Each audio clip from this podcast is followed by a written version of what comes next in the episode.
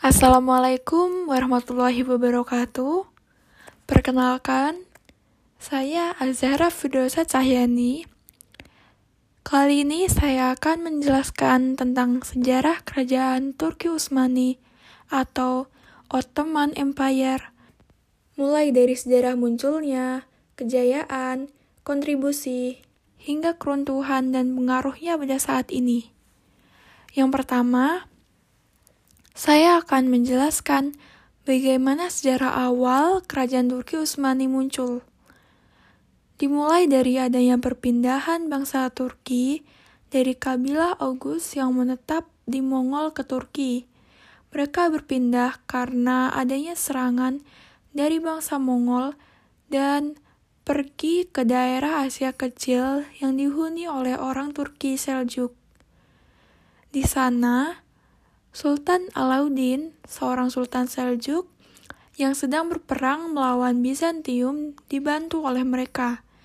Dan pada akhirnya, Sultan Alauddin pun memenangkan perang tersebut. Atas bantuan yang telah mereka lakukan, Sultan Alauddin pun memberikan sebidang tanah yang berbatasan dengan Bizantium di Asia Kecil. Sejak saat itulah mereka mengelola wilayahnya. Usman sebagai seorang pemimpin yang telah membantu Sultan Alauddin dengan berhasil mengambil wilayah benteng-benteng Bizantium. Ketika menyerang bangsa Mongol, Sultan Alauddin terbunuh, dan kerajaan Seljuk pun terpisah-pisah. Hingga akhirnya Utsman mengumumkan kemerdekaannya yang diberi nama Al-Sultanah Al-Utsmaniyah. Kekuasaan Turki Utsmani berlangsung lama, sekitar kurang lebih 625 tahun. Kejayaan Turki Utsmani dimulai pada masa pemerintahan Sultan Muhammad II dengan sebutan Al-Fatih karena berhasil menaklukkan Konstantinopel. Sejarah kejayaan Kerajaan Turki Utsmani dapat ditunjukkan dengan jatuhnya Konstantinopel ke tangan Turki Utsmani yang kemudian berubah nama menjadi Istanbul.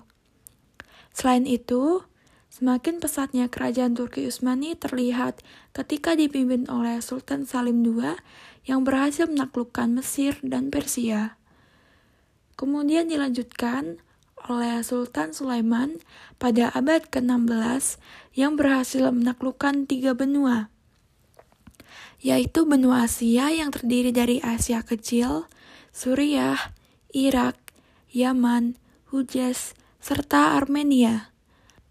Benua Eropa yang terdiri dari Yunani, Yugoslavia, Bulgaria, Rumania, Albania, serta Hungaria.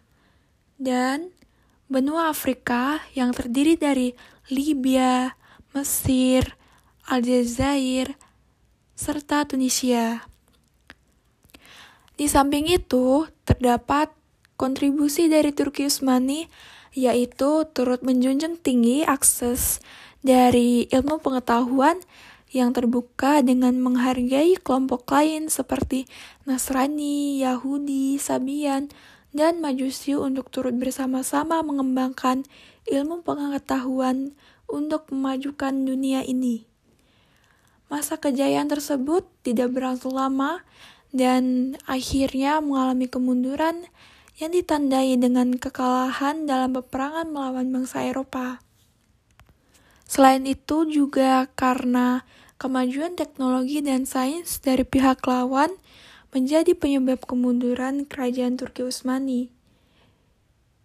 Hingga pada akhirnya Turki Utsmani mengalami kekalahan dan pada tanggal 26 Januari 1699 menandatangani perjanjian Karlowitz di dekat Wina tentang penyerahan beberapa daerah di Eropa yang meliputi daerah Hongaria kepada daerah Podolia dan Austria, Ukraina kepada Polandia, Transiania kepada Habsburg, daerah Avos kepada Rusia, dan daerah Murka kepada Venetia.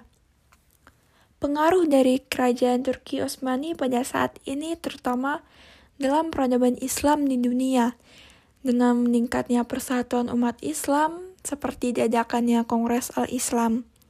Selain itu juga kekuatan militer Turki yang pada saat ini termasuk sebagai militer terkuat di negara-negara muslim dan di kawasan Timur Tengah.